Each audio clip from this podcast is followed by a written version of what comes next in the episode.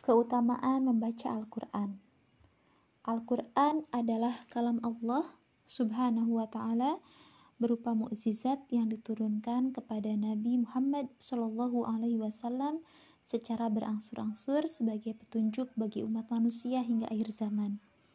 Ditulis dalam mushaf, diawali dengan surat Al-Fatihah dan diakhiri dengan surat An-Nas. Diriwayatkan secara mutawatir dan membacanya menjadi ibadah.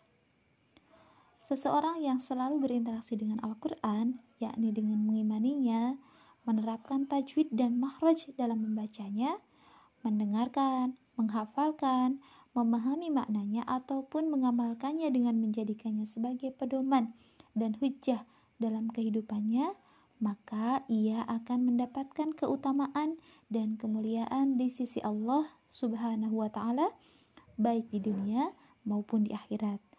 Adapun keutamaan yang Allah Subhanahu wa taala berikan kepada ahlul Quran di antaranya adalah satu mendapatkan pahala yang berlipat ganda. Dari Abu Sa'id Al-Khudri radhiyallahu an berkata, Rasulullah shallallahu alaihi wasallam bersabda, "Man qara'a harfan min kitabillah falahu bihi hasanah." wal hasanatu bi asyri amsalha la aqulu alif lam mim harfun walakin alif harfun, walam harfun, wa mim harfun. Barang siapa yang membaca satu huruf dari kitabullah atau Al-Quran, maka baginya satu kebaikan. Dan kebaikan itu akan dilipatkan ke sepuluh kali pahala. Tidaklah aku katakan bahwa alif lam mim itu satu huruf, akan tetapi alif satu huruf, lam satu huruf, mim satu huruf. Hadis riwayat At-Tirmizi. Keutamaan membaca Al-Quran yang kedua adalah diampuni dosanya dan tidak disiksa oleh Allah Subhanahu wa Ta'ala. Dari Abdullah bin Mas'ud radhiyallahu an, Nabi Shallallahu alaihi wasallam bersabda, "Iqra'ul Qur'an fa innallaha ta'ala la yu'adzibu qalban wa al-Qur'an wa inna hadzal Qur'an ma'dubatullah faman dakhala fihi fahuwa amin wa man ahabbal Qur'an falyabshir. Bacalah Al-Quran karena Allah subhanahu wa ta'ala tidak akan menyiksa hati yang berisi Al-Quran dan sesungguhnya Al-Quran itu hidangan dari Allah. Barang siapa yang masuk dan menyantapnya, maka ia akan aman dan barang siapa mencintai Al-Quran, maka bergembiralah. Hadis riwayat Ad-Darimi. Yang ketiga, mendapat syafaat atau pertolongan dari Al-Quran. Dari Abi Umamah Al-Bahili radhiyallahu an berkata, aku mendengar Rasulullah Shallallahu alaihi wasallam bersabda, Iqra'ul Qur'an fa innahu ya'ti yaumal qiyamati syafi'an li ashabihi. Bacalah Al-Qur'an, sesungguhnya pada hari kiamat nanti Al-Quran akan menjadi pemberi syafaat bagi para pembacanya. Hadis riwayat Muslim. Yang keempat, mendapatkan nikmat atau derajat kenabian, hanya saja ia tidak mendapatkan wahyu. Dari Utsman bin Affan radhiyallahu an, Rasulullah shallallahu alaihi wasallam bersabda, "Man al-Qur'an faqad istadrajan nubuwah baina janbaihi ghairu annahu la yuha ilaih. Barang siapa yang membaca Al-Quran, maka sungguh dirinya telah menaiki derajat kenabian. Hanya saja tidak diberikan wahyu kepadanya. Hadis riwayat Al-Hakim dan Al-Baihaqi. Keutamaan baca Al-Quran yang kelima adalah dikategorikan sebagai orang yang baik secara lahir dan batin.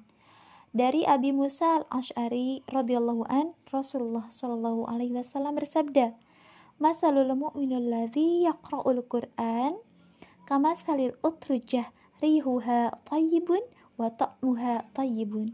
Wa masalul mu'minil ladzi la yaqra'ul Qur'an kama salit tamrati la rihalaha wa ta'muha hulwun. Wa masalul munafiqil ladzi yaqra'ul Qur'an masalur raihanah rihuha tayyibun wa ta'muha murrun wa masalul munafiqil ladzi la yaqra'ul Qur'an kama salil kama salil hamdalah laisa laha riyahun wa ta'muha murrun. Perumpamaan orang mukmin yang membaca Al-Qur'an seperti buah sitrin atau citrus medica yang baunya harum dan rasanya sedap. Perumpamaan orang mukmin yang tidak membaca Al-Qur'an seperti buah kurma, tidak berbau dan rasanya manis. Perumpamaan orang munafik yang membaca Al-Qur'an seperti sekuntum bunga, baunya harum dan rasanya pahit.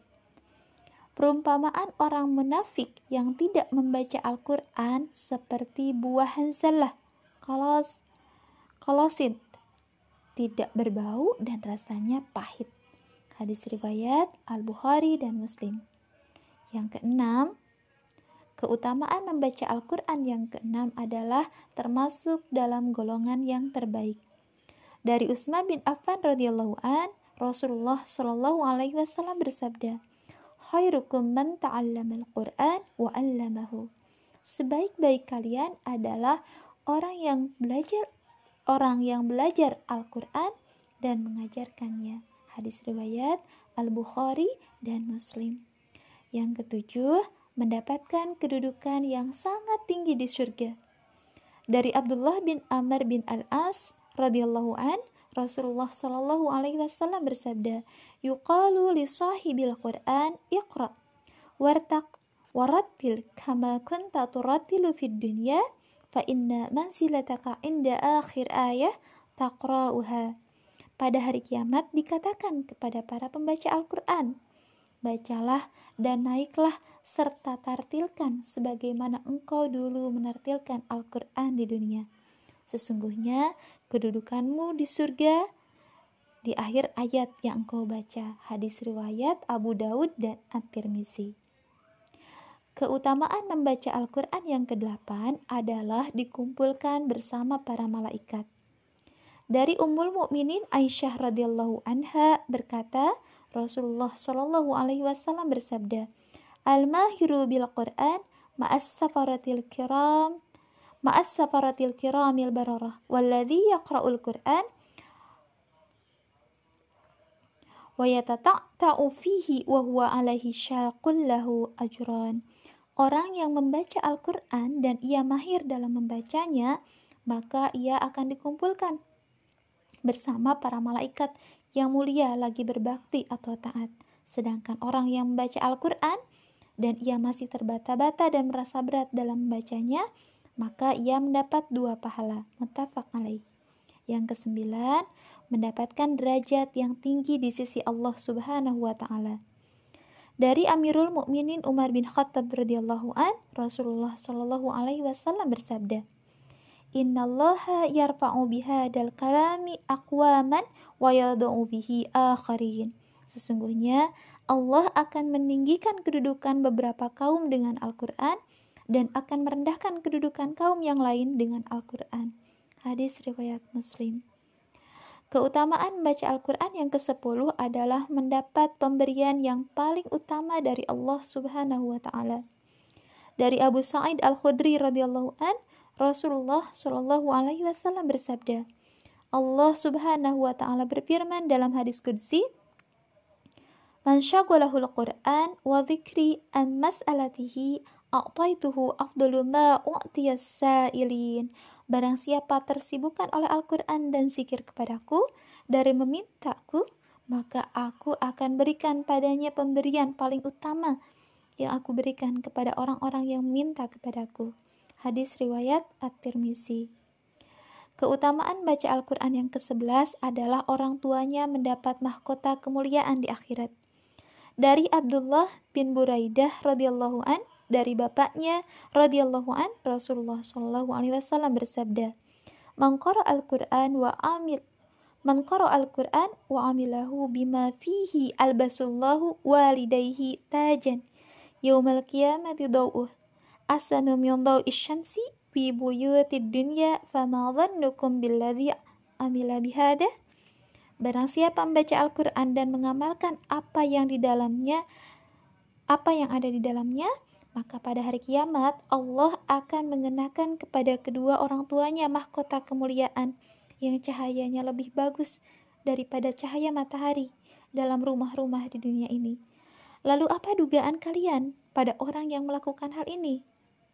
Orang yang membaca dan mengamalkan Al-Quran? Hadis riwayat Abu Daud. Yang kedua belas, menjadi keluarga Allah yang berada di atas bumi.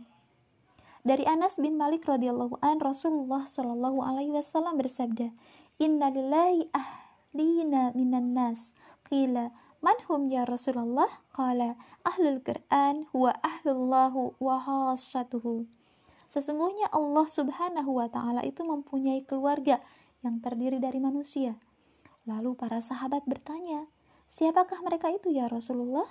Beliau menjawab, yaitu ahlul Quran. Mereka adalah keluarga Allah dan orang-orang yang istimewa bagi Allah. Hadis riwayat Ahmad, An-Nasai, Ibnu Majah, Ad-Darimi dan Al-Hakim. Yang ketiga belas, mendapatkan ketentraman dan rahmat.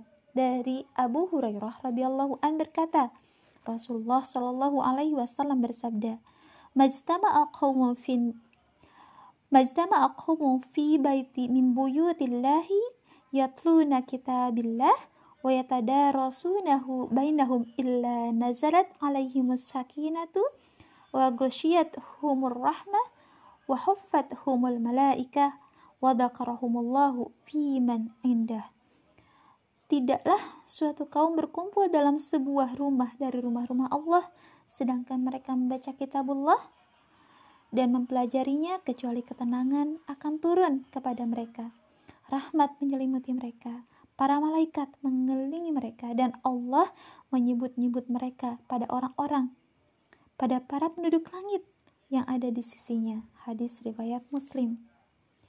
Yang keempat belas, rumah yang di dalamnya dibaca ayat-ayat Allah akan terlihat oleh penduduk langit, yaitu para malaikat. Dan rumah yang tidak disebut di dalamnya ayat Allah, ibarat rumah Yahudi dan Nasrani. Rasulullah Shallallahu Alaihi Wasallam bersabda, jadikanlah bacaan Al-Quran dan sholat kalian di rumah kalian, dan janganlah kalian jadikan rumah kalian sebagai kuburan, sebagaimana orang Yahudi dan Nasrani yang menjadikan rumah mereka kuburan. Sesungguhnya, rumah yang dibaca di dalamnya Al-Quran maka akan terlihat oleh penduduk langit, sebagaimana terlihat bintang oleh penduduk bumi. Hadis riwayat Ibnu Abi Syaibah. Dan keutamaan membaca Al-Quran yang ke-15 adalah setan akan lari dari rumah yang dibaca di dalamnya surat Al-Baqarah. Dari Abu Hurairah radhiyallahu an berkata, Rasulullah shallallahu alaihi wasallam bersabda, "La taj'alu buyutakum maqabir. Inna syaitana yang minal baiti alladhi tuqra'u fihi suratul Baqarah." Janganlah kalian jadikan rumah kalian sebagai kuburan. Sesungguhnya setan lari dari rumah yang dibacakan di dalamnya surat Al-Baqarah. Hadis riwayat Muslim.